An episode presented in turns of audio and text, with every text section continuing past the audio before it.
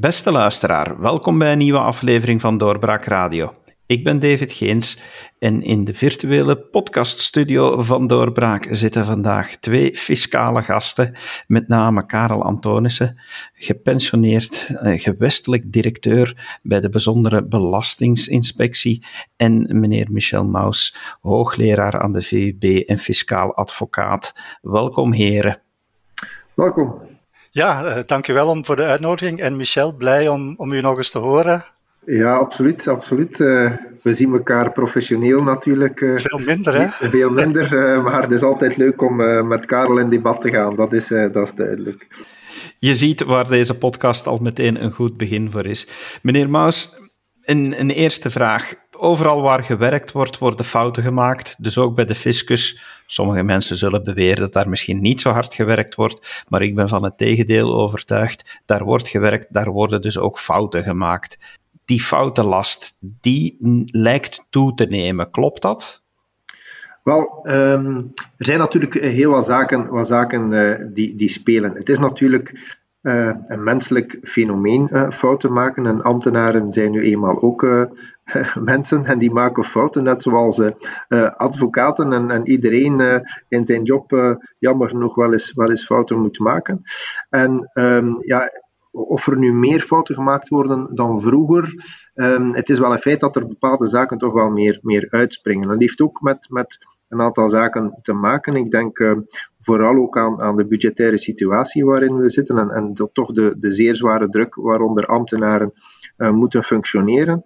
En dan zien we een aantal zaken gebeuren. Een mooi voorbeeldje daarvan is, uh, is de vooraf ingevulde aangifte, die dus door de overheid wordt uh, ja, naar voren geschoven als een dienst ten aanzien van de burger, die erop neerkomt dat voor, ik denk ondertussen al een meer dan 2 miljoen belastingplichtigen de aangifte in de personenbelasting vooraf ingevuld wordt.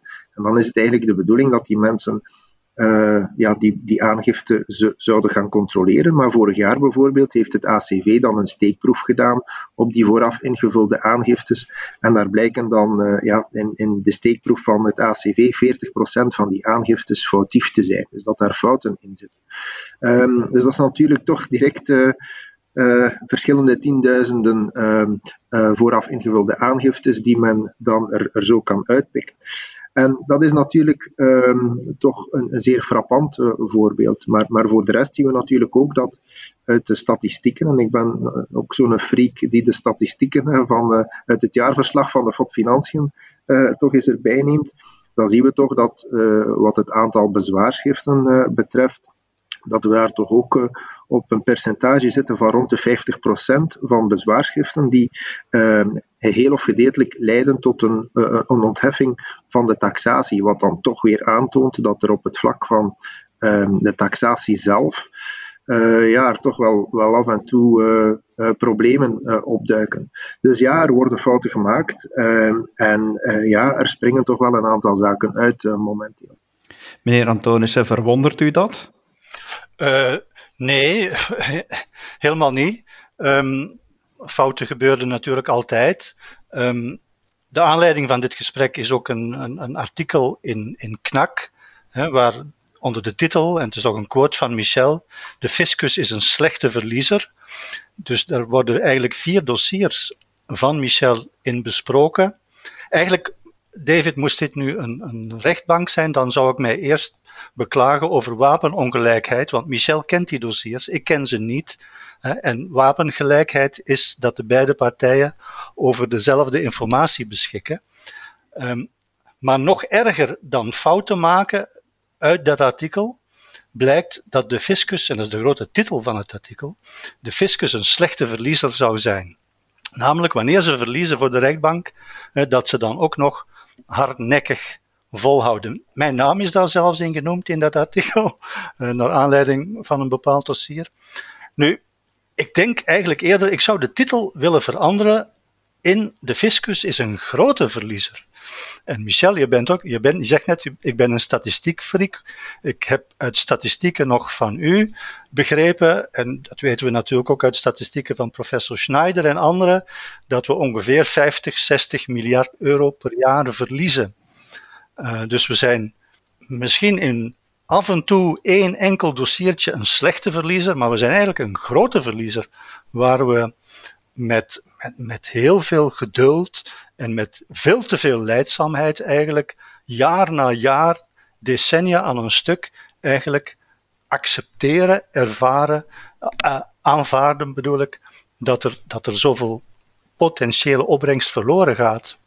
Dus ja, daar zijn we dan toch wel een beetje misschien uh, op een andere golflengte aan het praten. Maar, ik denk het niet, Karel. Ik denk, het niet, denk niet dat we op een andere golflengte aan het praten zijn. Uh, ik ben, ben trouwens uh, de, de, de, eerste, om, zeker wat, wat het aspect fraudebestrijding betreft. En ik, ik denk in mijn winkel daar waarschijnlijk zelfs een unicum in, dat ik eigenlijk pleit voor, voor meer slagkracht voor de administratie om om te kunnen uh, strijden tegen, tegen de fraude. En, en ik heb toch ook gelezen in het, uh, het beleidsplan van, van Vincent van Petegem, de minister van Financiën, dat hij ingaat op een voorstel wat ik toch al een paar keer heb gelanceerd, dat um, voor grote fiscale fraudedossiers, die dan door justitie worden behandeld, dat er de ambtenaren eigenlijk in die dossiers uh, of dat er een wettelijk kader zou moeten zijn dat ambtenaren in die dossiers betrokken kunnen, kunnen raken. Dat de BBI een soort uh, reserveleger wordt die uh, justitie kan optrommelen als er oorlog moet, moet, worden, moet worden gevoerd.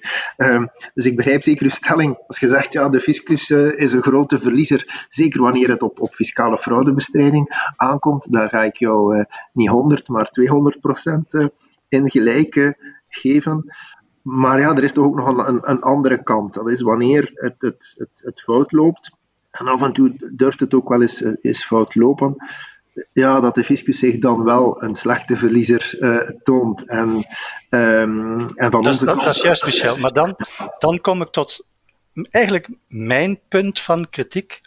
De terechte kritiek op een vorm van hardnekkigheid of een vorm van ontoegeeflijkheid in meestal in de kleine dossiers, wordt dan precies aangegrepen om ook uh, de nodige doortastendheid te bestrijden in die grote dossiers. En dat heb ik toch ook weer een beetje begrepen. Uh, ik weet het, uh, het is niet de, de geïnterviewde of zelfs niet de journalist die de titel van een, van een artikel in een blad bepaalt. Dat is de hoofdredacteur. En de mensen zijn daar dikwijls niet mee akkoord maar dat had ik toch ook weer begrepen uit die demarche nu, waar eigenlijk een soort campagne tegen de fiscus gevoerd wordt, die dan uiteindelijk tot gevolg heeft dat de strijd tegen de grote fraude weer beperkt wordt. Het is de eerste keer dat ik in zo'n debat zat, was in 2001. Toen had een zekere Alain Zenner, die was regeringscommissaris voor de vereenvoudiging van de fiscale procedure en de strijd tegen de grote fiscale fraude, van dezelfde partij als de toenmalige minister van Financiën. Dus ik had toen een hele liberale état-major als, als hiërarchie. En meneer Zenner die zegt, de belastingheffing, ik herhaal het voortdurend, is niet een goddelijke zending, mensen van de BBI, luister goed, een hoog verheven verhaal een hoog verheven ideaal dat alle middelen heiligt. Nee, de verhouding tussen de fiscus en de belastingplichtige moet herdacht worden. Het wordt tijd het onmiskenbaar verstoorde evenwicht terug te vinden.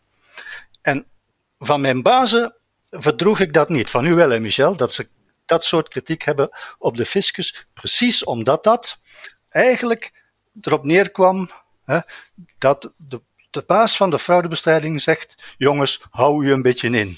Ik heb erop geantwoord, was denk ik mijn eerste column die ik ooit geschreven heb in, in, in het Algemeen Fiscaal Tijdschrift, onder de titel Fiscale Jihad in België? Vraagteken.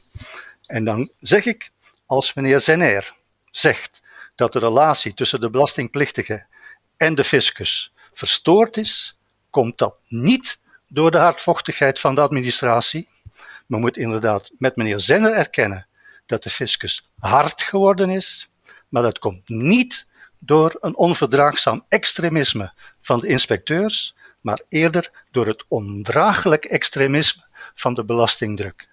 Dus meneer Zenner, een liberaal politicus die een belastingdruk oplegt van 50% en die dan zegt dat het aan de controleurs ligt dat de fiscus te hard is, dat verdroeg ik niet.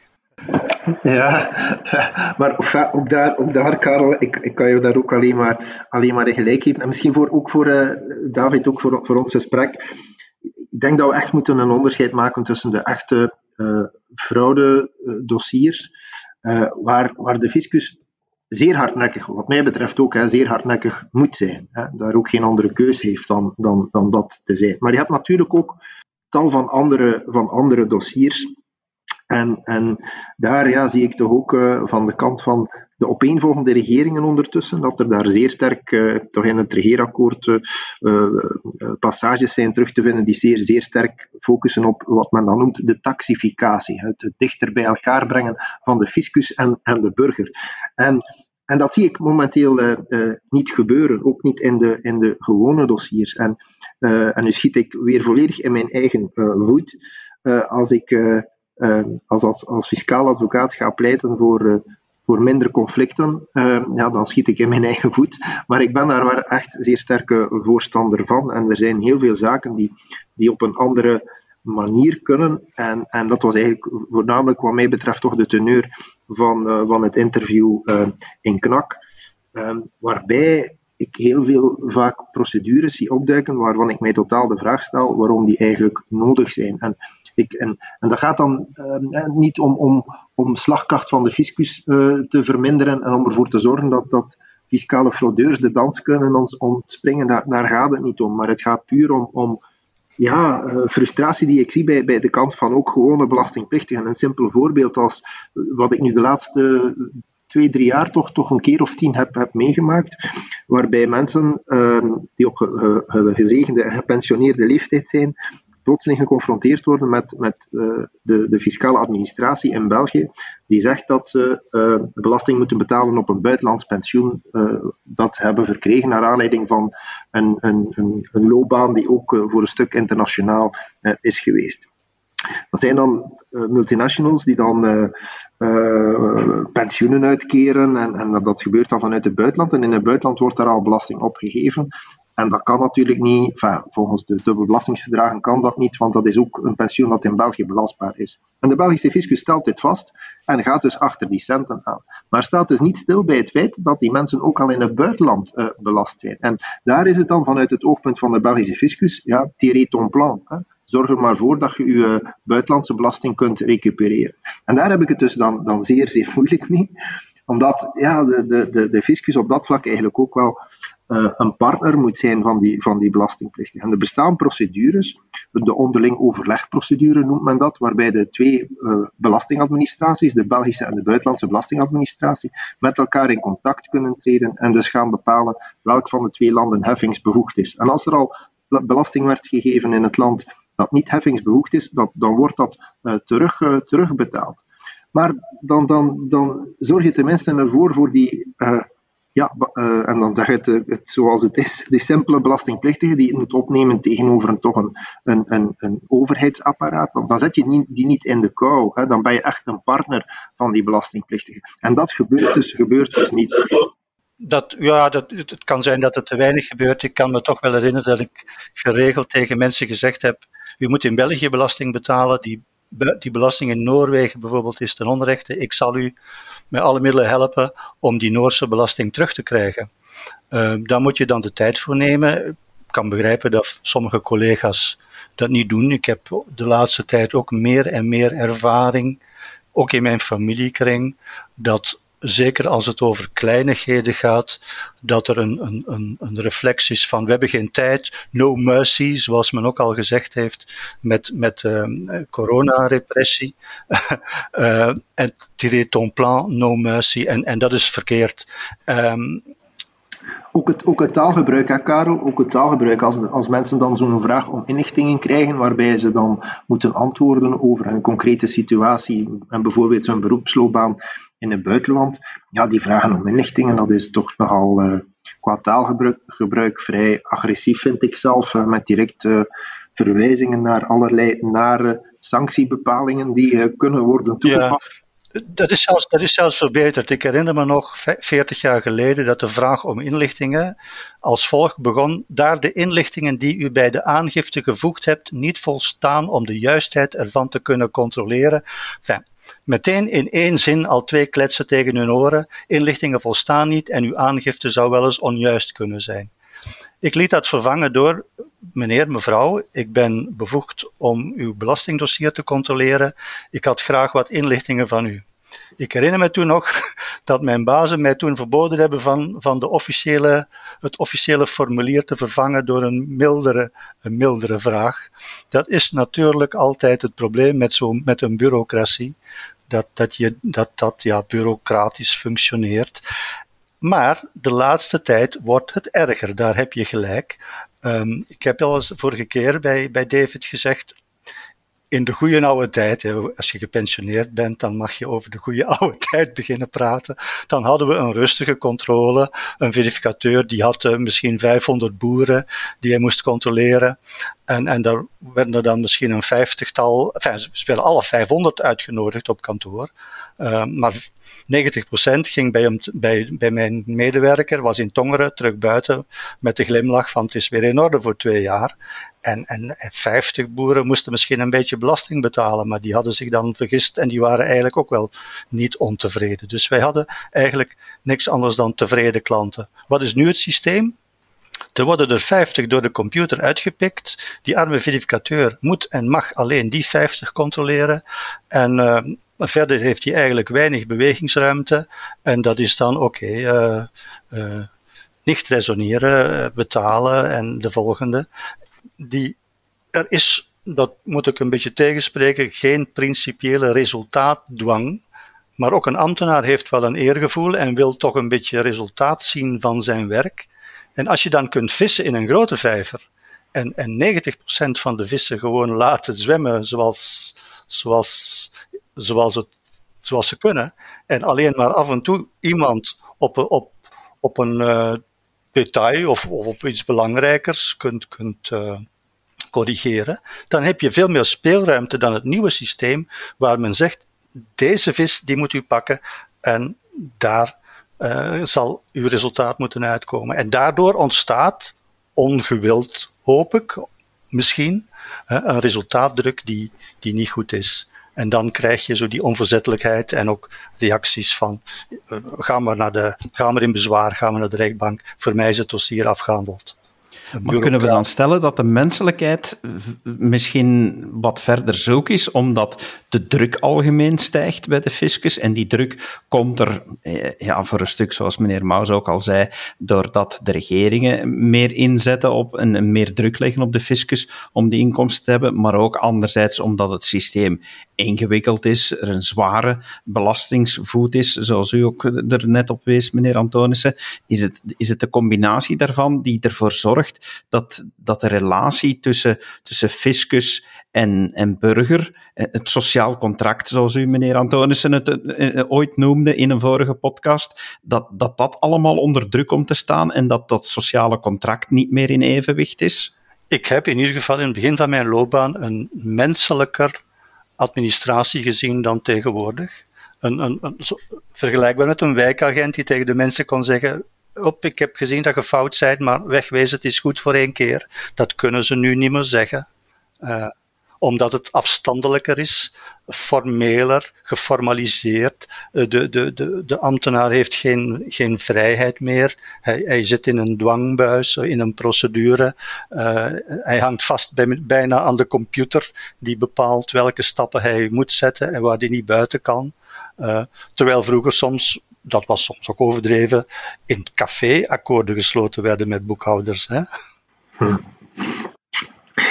Ja, maar ik, ik, stel, dat, ik stel dat ook vast. Hè. Dus, eh, dit, ja, ik ben natuurlijk nog niet gepensioneerd, maar ik kan uh, Karel ook wel bijtreden dat de tijden, de tijden natuurlijk wel, wel voor een stuk aan het, aan het veranderen zijn. En ik vind dat, ja, ik vind dat vanuit menselijk oogpunt bijzonder, bijzonder jammer. Want uh, ik geef u op een blaadje dat, dat, dat ik toch de laatste, ik ben toch ook wel al 27 jaar, jaar bezig. En ik heb toch wel wat, en ik, ik kan al, ik al spreken over ganse families die door de fiscale procedure waarin ze zijn beland eigenlijk een echte degoe hebben gekregen van alles wat met overheid uh, te maken heeft.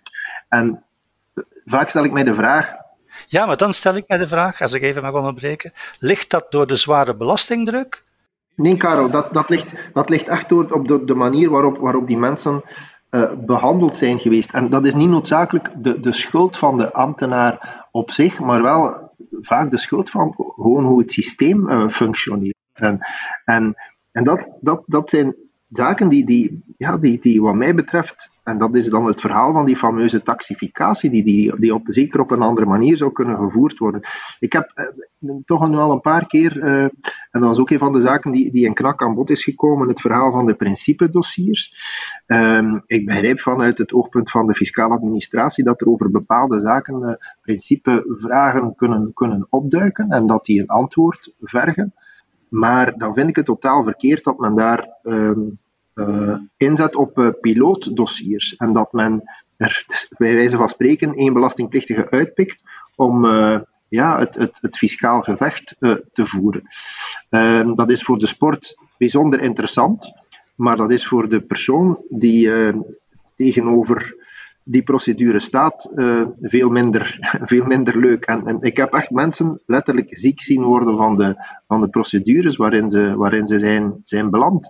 En het is ook niet voor niets dat uh, Karel de Hucht, je kunt veel zeggen over zijn, zijn procedure en er kunnen heel wat vragen over gesteld worden, maar in de fond had hij op het einde wel, wel een punt toen hij na, na eh, zijn, uh, het afloop van zijn proces zei van ja, ik wens het eigenlijk niemand toe. Hij heeft ook tien jaar moeten procederen.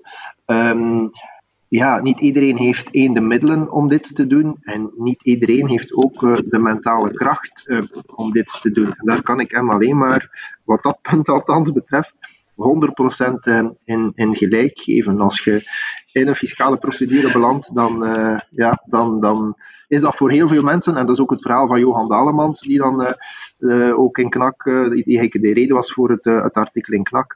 Ja, dat, dat, dat, dat zorgt toch wel voor voor uh, ja, sociale drama soms uh, in, in gezinnen, uh, wanneer mensen in dergelijke in een dergelijke procedureslag terechtkomen. En ook daar heb ik dan, zeker wat principekwesties betreft, toch het idee van waarom is dat nodig? Als er een principevraag is, dan moet die uiteraard beantwoord worden.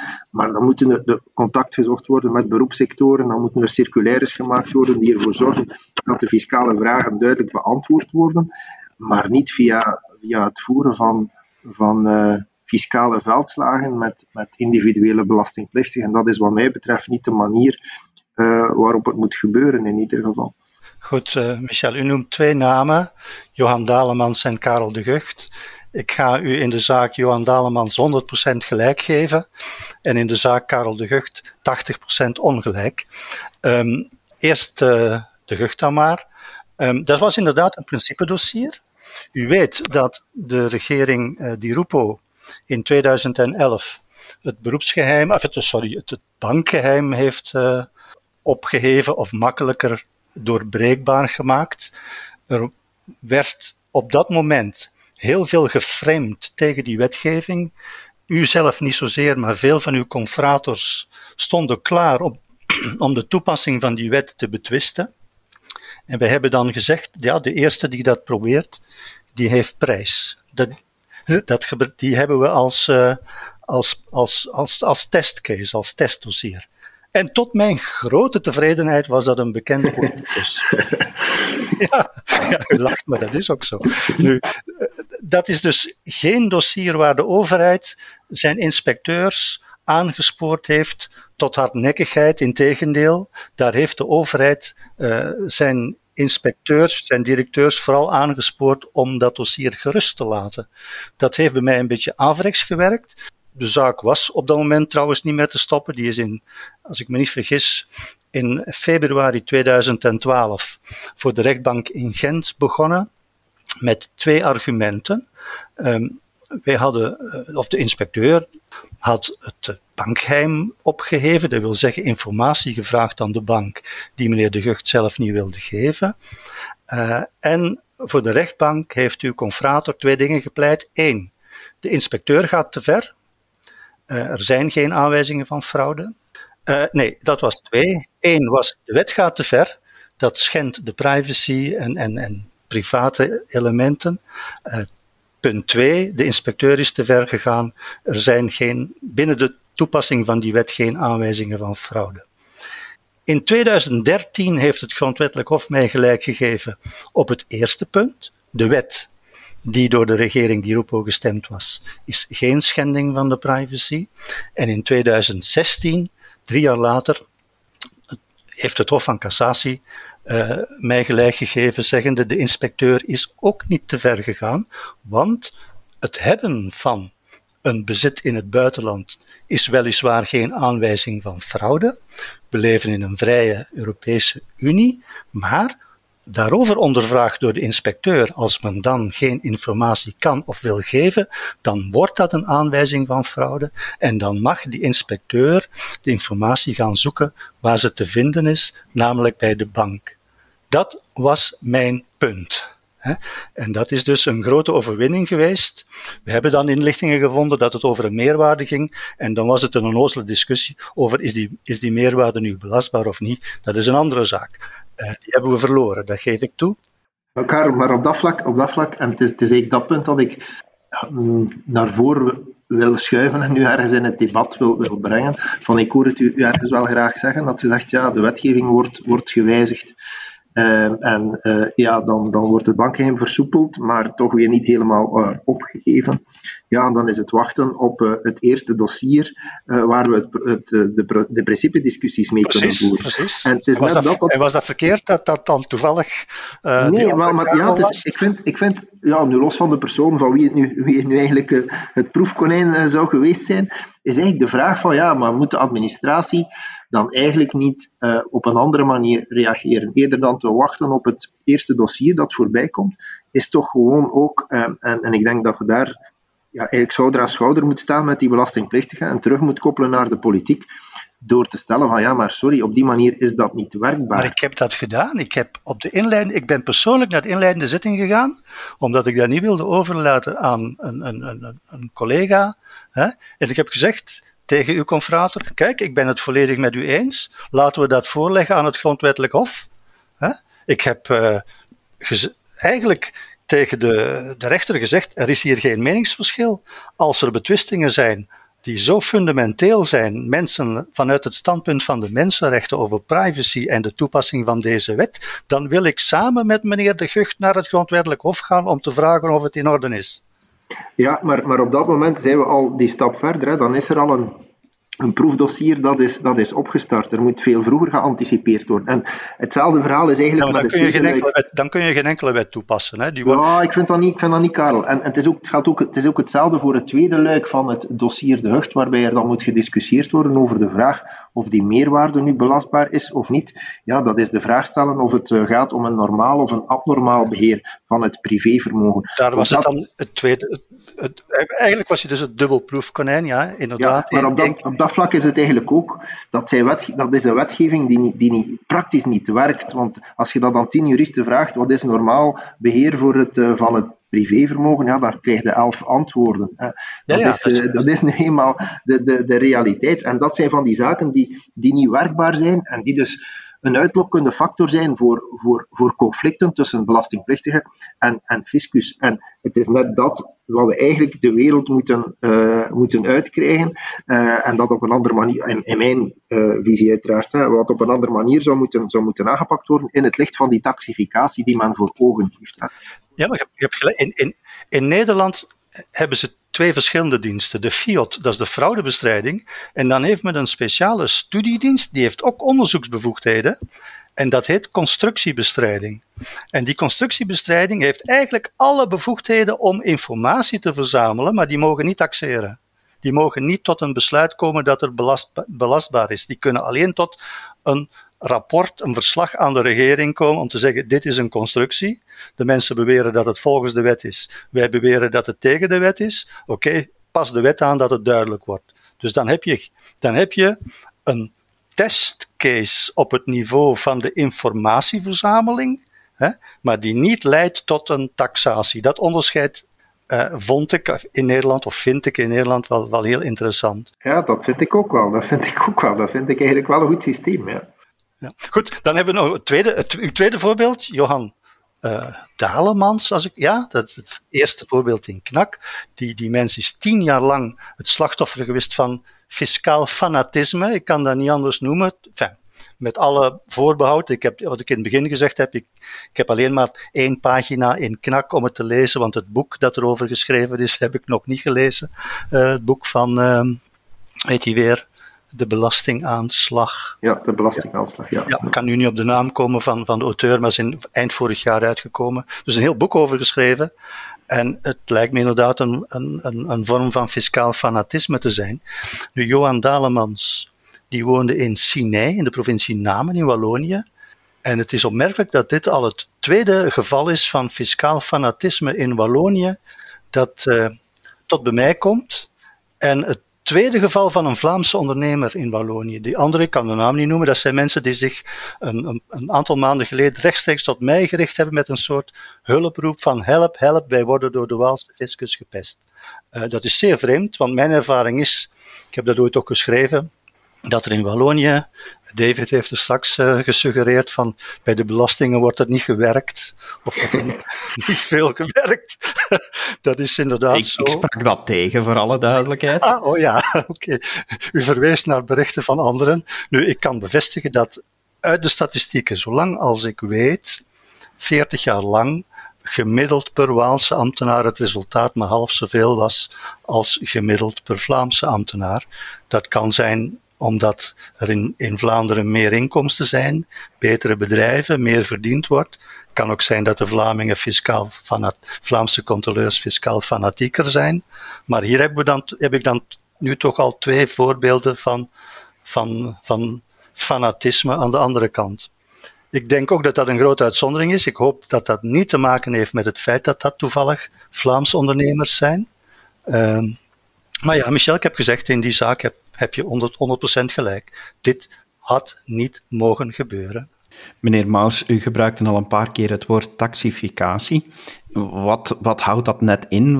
Waar, waar hoopt u daar, daarop? Wel, ik hoop daar vooral in een, uh, ja, een betere, betere relatie tussen, tussen fiscus en, en belastingplichtigen. Want uh, ja, wij zien natuurlijk alleen maar pro probleemdossiers, of in hoofdzaak probleemdossiers uh, opduiken natuurlijk. En, en ja, dat, dat leidt toch tot, uh, vaak tot vrij onaangename uh, situaties, terwijl een fiscale controle eigenlijk de logica zelf uh, zou moeten zijn. We leven in een systeem, een samenwerkingsmodel, waarbij de fiscus noodgedwongen moet steunen op een fiscale aangifte die door de belastingplichtige moet worden ingediend. Ja, dan is het nogal logisch dat die aangifte moet, moet gecontroleerd worden. En ik vind dat dat veel ja, aangenaam zal het natuurlijk nooit zijn, maar dat dat toch veel um, uh, op, een, op een andere relationele basis uh, moet kunnen. Dat is het verhaal van, van de taxificatie. En daar, daar zijn heel wat, heel wat voorbeelden van, van, van frustraties die ik zie opduiken, waar, waar ik mij de vraag dan stel, waarom is dat nodig? Een voorbeeld uh, die men op het Vlaamse niveau dan ondertussen wel heeft aangepakt, is het verhaal van uh, onroerend goedwaarderingen. Wanneer je een bepaalde constructie opzet, uh, om een, dan een groot woord te gebruiken, ja, dan is het vaak zo, als daar onroerende goederen bij betrokken zijn, dat die moeten gewaardeerd worden. Wel, voor de federale personenbelasting of de vennootschapsbelasting uh, ja, is daar eigenlijk weinig kader voor. Dat wil zeggen dat die belastingplichtige naar een vastgoedexpert stapt, een waardering uh, laat maken en, en, met die waardering zijn verhaal onderbouwt. Maar die waardering kan op, op het even welk moment worden uh, aangevochten door, door een fiscaal ambtenaar bij een fiscale controle. Op het Vlaamse niveau, bij de Vlaamse Belastingdienst, is dat niet meer het geval. Daar heeft men een systeem uitge uitgedacht waarbij um, vastgoedexperten uh, zich kunnen aansluiten bij een, een, protocol, dus waarbij ze dus bepaalde uh, kwaliteitsgaranties uh, moeten, moeten nakomen. En wanneer ze dat protocol hebben onderschreven, dan, uh, dan gaat Frabel akkoord dat wanneer belastingplichtigen een beroep doen op een dergelijke vastgoedexpert, dat die waardering correct is. En dan weet je als, als belastingplichtige ook, ik, ik heb een beroep gedaan op iemand die bijvoorbeeld voor een aangifte in de successierechten een, een, een gebouw heeft gewaardeerd, wel, dat, dat zal passeren bij, de, bij die fiscale administratie. En dan is eigenlijk het enige wat die fiscale administratie nog moet doen, is elk jaar um, 1, 2, 3 uh, steekproeven doen bij elke vastgoedexpert en dat is bekijken. En als dat oké is, dan mag men er eigenlijk van uitgaan dat die uh, persoon zijn werk correct doet. Maar dan heb je eigenlijk een systeem ontwikkeld waarbij er al een pak minder discussies kunnen ontstaan tussen fiscus en, en belastingplichtig. En dat noem ik taxificatie, het, het, het, ontwikkelen van systemen die ervoor zorgen dat de relatie tussen fiscus en burger op een correcte, eerlijke, uh, um, ja, vrij nuchtere manier kan, kan verlopen, zonder dat men, um, of waarbij men zoveel mogelijk conflicten probeert uh, te vermijden door op voorhand systemen te ontwikkelen die ervoor zorgen dat er geen conflicten meer kunnen zijn. Meneer Antonissen, ziet u daar ook mogelijkheden in? Denkt u dat, uh, dat zoiets mogelijk is? Of uh, zou het vanuit uw ervaring ook zo zijn dat er op zijn minst extra personeel moet komen bij de fiscale diensten om die druk te verminderen en meer mogelijkheden te creëren? Nee, nee, nee, dat laatste zeker niet. Wat die taxificatie betreft ben ik volledig akkoord. Dat is in zekere zin ook niet nieuw, hè, Michel. We hebben altijd forfaitaire winstberekeningen gekend in de landbouw. Eigenlijk, ja, taxeren betekent schatten. Hè. Dat is het woord een, een schatting doen. Als je een kadastraal inkomen moet schatten, als je de winst van een café moet schatten, als je de winst van een boer moet schatten, de winstpercentages in de horeca, ja, dan gaat het niet meer over fiscale principes, maar over cijfers. Uh, op, en, en, en cijfers net zoals in, in, in, bij de verkoop van een huis, een bedrag ontstaan uit een, uit een debat. En dat debat kun je individueel voeren tussen de individuele controleur en, en, en de individuele belastingplichtige. Maar het is inderdaad zeer goed als je daar ja, experten opzet die een, die een bepaalde norm respecteren, of als je forf, forfaitaire winstberekeningen, ook in de diamantsector, Michel, alhoewel je daar dan weer andere opmerkingen kunt maken dat de taxificatie veel te laag is, dan, dan is er een taxificatie, maar dan is ze eigenlijk te laag. Oké, dat is dan ook weer maar zo. Dus daar ben ik het volledig mee eens dat je ook de voordelen van alle aard, alle, alle dingen die moeten geschat worden, zorgt dat dat niet tot, tot, tot, tot ruzies en discussie komt. Zorg dat dat niet voor de rechtbank moet komen. Daar zijn alle mogelijke systemen voor. Um, nu, die goede verstandhouding, ben er uiteraard ook voor. Maar ik ben dan soms ook wel gebotst op advocaten die dat anders zagen. En dat waren dan eerder de, de extreme of de principiële legalisten, zoals meester Afschrift bijvoorbeeld, die zeggen, artikel 170 van de grondwet, geen belasting dan door een wet. Ik vind dat er hier geen wet is. Nu kunt u op uw kop gaan staan, maar uh, ik betwist de wet of de wet is er niet. En dan is eigenlijk geen, geen gesprek mogelijk. De, de OESO, Organisatie voor Europe Economische Samenwerking en Ontwikkeling, heeft op een gegeven moment een, een principe uitgevaardigd of gezegd: kijk, bij grote multinationals kun je niet één, niet twee, maar in elk dossier tientallen principiële discussies vinden tussen veel belasting en weinig belasting. Die tientallen discussies die kunnen allemaal voor de rechtbank uitgevochten worden. Laten we dat ook proberen te vermijden.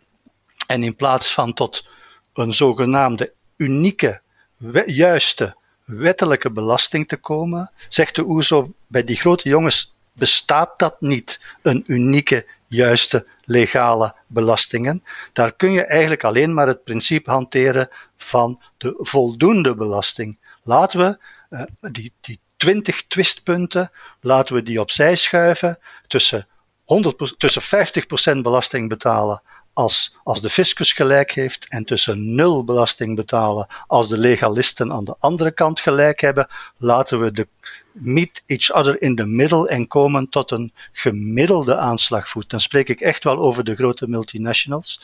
Dus ook daar zijn er uh, vanuit legalistisch standpunt uh, advocaten die die stelling, laten we de multinationals niet maximaal taxeren, ook niet minimaal, maar gewoon ergens redelijk in het midden, na onderhandeling, die daar niet mee akkoord zijn, Michel.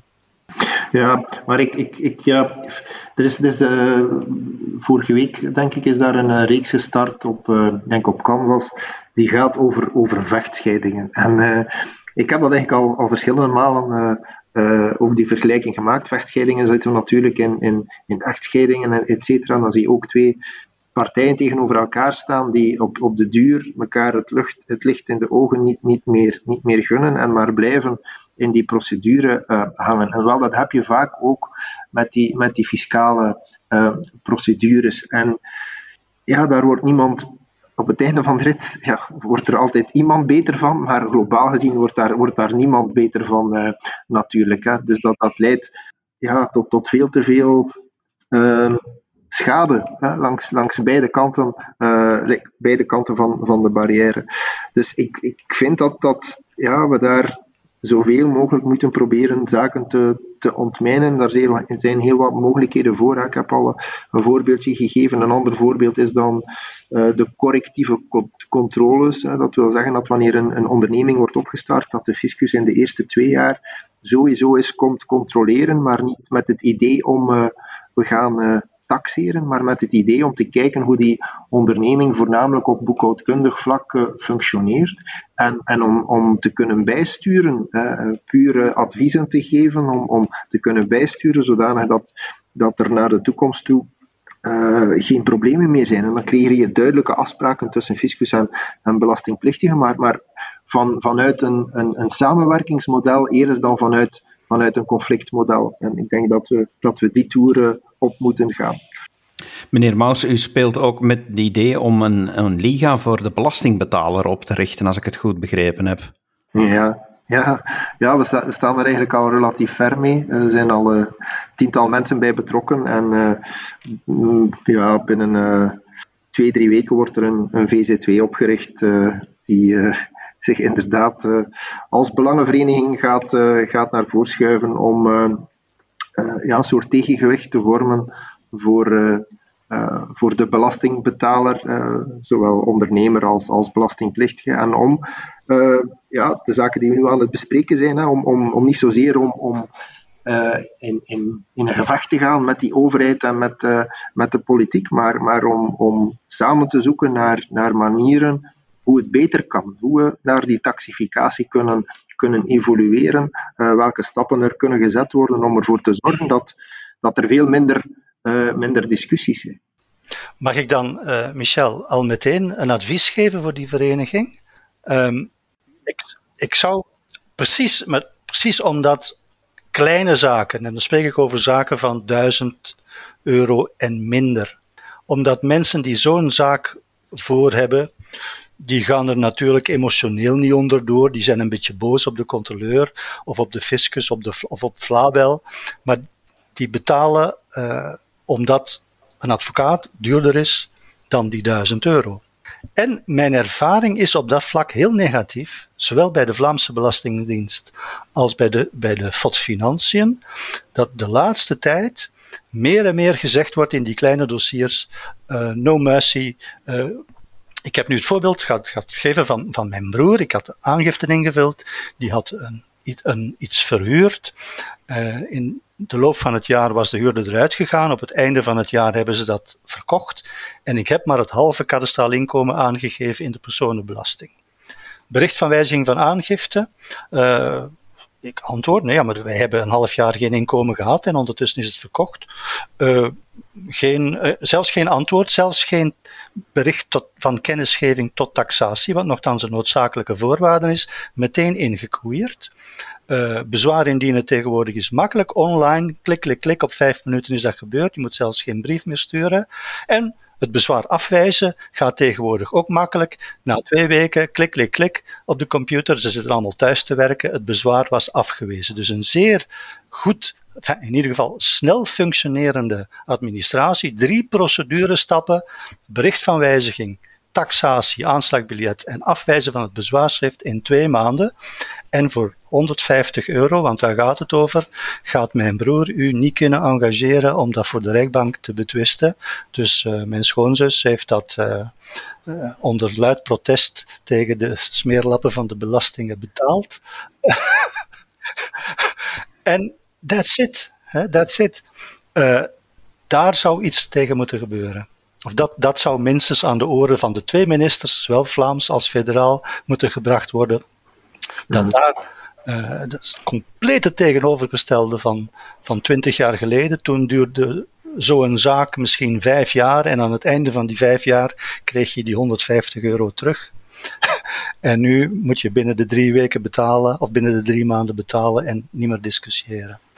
Ja, maar het zijn die kleine zaken die... Ja, die, die uh, de ergernis opwekken van de die mensen. Die ergernis opwekken, hè. Ja, absoluut. Hetzelfde met die vooraf ingevulde aangiftes die dan uh, toch vaak uh, niet helemaal correct zijn. Ja, dan is het enige antwoord die de minister van Financiën daar vorig jaar dan op gaf van ja, de mensen kunnen dat controleren en, en het is net de bedoeling dat ze het controleren. Maar ja, fiscaal analfabetisme dat is eh, een wijdverspreid uh, fenomeen. Je moet ook in staat zijn om dat te kunnen controleren. En uh, ik geef u op een blaadje dat, als ik al naar mijn eigen entourage kijk, dat er niet veel mensen toe in staat zijn om dat, om dat op een treffelijke manier, manier te doen. Dus je zit daar eigenlijk met een systeem dat zo complex is geworden dat het eigenlijk um, voor de meeste mensen niet meer begrijpbaar is. En dan mag je ook van die mensen niet verwachten dat zij ja, in staat zijn om, om die systemen ook zelf, zelf te controleren. Dat is een, eh, beetje de, helaasheid uh, der, dingen, der dingen geworden, maar, maar dat, is wel, dat is wel realiteit.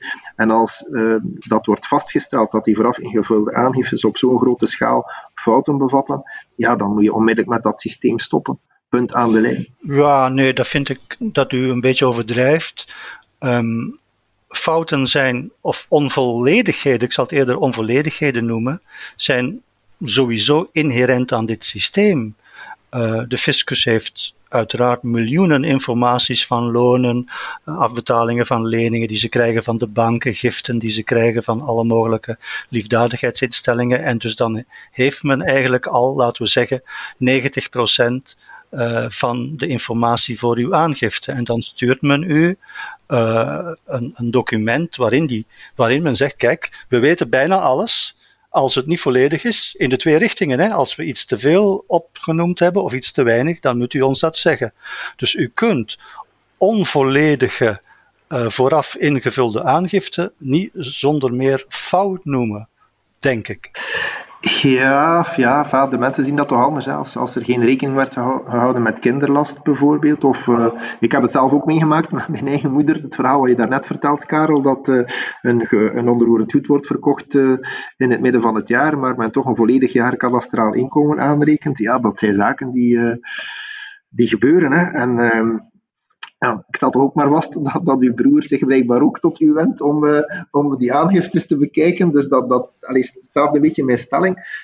Dat, dat als dat gebeurt, bijvoorbeeld zo'n onroerend goed die verkocht wordt en waar men dus geen rekening houdt met uh, de, de tijdspannen van het jaar dat men geen eigenaar meer was, ja, hoeveel mensen halen dit, dit eruit wanneer ze die aangifte moeten bekijken? Ja, maar de, de, de, de computersystemen, want er komt geen controleur meer aan te pas, dus ik spreek over de computersystemen van de fiscus, kunnen dat ook niet allemaal weten. Uh, als u een, een, een gul persoon bent en u hebt aan twintig organisaties een gift gedaan en er zijn twee van die organisaties die nog geen attest aan de fiscus bezorgd hebben, ja, dan, dan is het voorstel wat u krijgt ook fout, want dan zijn die twee giften nog niet afgetrokken. Dan zult u zelf moeten nakijken of al de twintig giften, dat is ook een concreet voorbeeld waarover ik spreek in mijn familie, uh, dan zult u die twee giften, dan zult u de giften zelf nog moeten oplijsten om te kijken, hebben ze alles? Of moet ik er nog een paar uh, af, attesten aan toevoegen die ze nog niet kennen? Dat is toch niet normaal, niet abnormaal. Dat is toch inherent aan het systeem. Ja, dat kan ik je wel volgen, Karel, maar het gaat ook over informatie die de fiscus wel heeft. Als een onroerend goed verkocht wordt, dan heeft de fiscus die informatie, want de akte werd geregistreerd. Dus dan, dan... Ja, dat is in dit land een beetje moeilijk, want dat, is, dat zit nu uh, uh, regionaal, terwijl de FOD Financiën federaal is. Ik moet u toegeven dat de communicatie tussen die twee belastingdiensten heel, heel moeilijk loopt. En dat, dan komen we natuurlijk bij het verhaal van de complexiteit, niet alleen van de fiscaliteit, maar ook van onze volledige staatsstructuur natuurlijk. Hè. Die, die ja, mankementen uh, uh, bevat. Hè. Dus, uh, de grote boeiing met, uh, met zaken die, die kinderziektes inhoudt. Hè. En, en, die moeten opgelost worden. En dat blijkt natuurlijk ja, niet zo simpel te zijn. Maar daar, is wel, daar, daar zijn wel mensen slachtoffer van. Hè. Dat kunnen we ook niet ontkennen. Mensen er zijn heel veel mensen die de fouten niet opmerken en die daardoor te veel belasting betalen. En, en belasting betalen is een verplichting, maar uh, het, uh, er is ook een recht, hè, recht om niet te veel belasting te moeten betalen. Dat bestaat natuurlijk ook. Hè. En dan, dan moet men ervoor zorgen dat die systemen zo ontwikkeld worden dat dat dit ook, ook gebeurt. En dan vind ik het een beetje makkelijk om, om, om te zeggen, ja, maar ja, de communicatie werkt nog niet zo goed. En, en ja, dat zijn zaken die de overheid moet, uh, als met dat systeem van vooraf ingevulde aangiftes willen werken,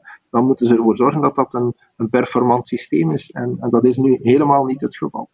Ik denk, heren, dat we deze discussie nog uren kunnen laten lopen, maar we kunnen alleszins besluiten, dankzij jullie inbreng, dat er inderdaad fouten gebeuren, dat er uh, ruimte moet zijn voor menselijkheid en dat er zeker moet gekeken worden naar hoe het beter kan. Ik uh, hoop dat uh, minister van Financiën Vincent van Petegem de moeite doet om naar deze podcast te luisteren, zodat hij weet van, Ola, er is nog werk aan de winkel, maar op dit moment wil ik jullie beiden alvast bedanken om dit te signaleren. Meneer Antonis en meneer Maus, dank u wel voor jullie tijd.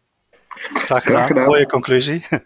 En u, beste luisteraar, hopelijk hebt u er ook wat uit opgestoken en weet u nu dat er nog werk aan de winkel is bij de fiscus, maar dat moesten we u waarschijnlijk niet vertellen. Maar u hebt nu meer inzicht naar wat er fout loopt en naar wat er eventueel moet gebeuren. Dank u wel om te luisteren en graag tot een volgende keer. Dag.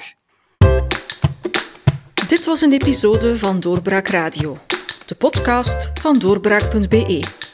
Volg onze podcast op doorbraak.be/slash radio of via Apple Podcasts, Overcast of Spotify.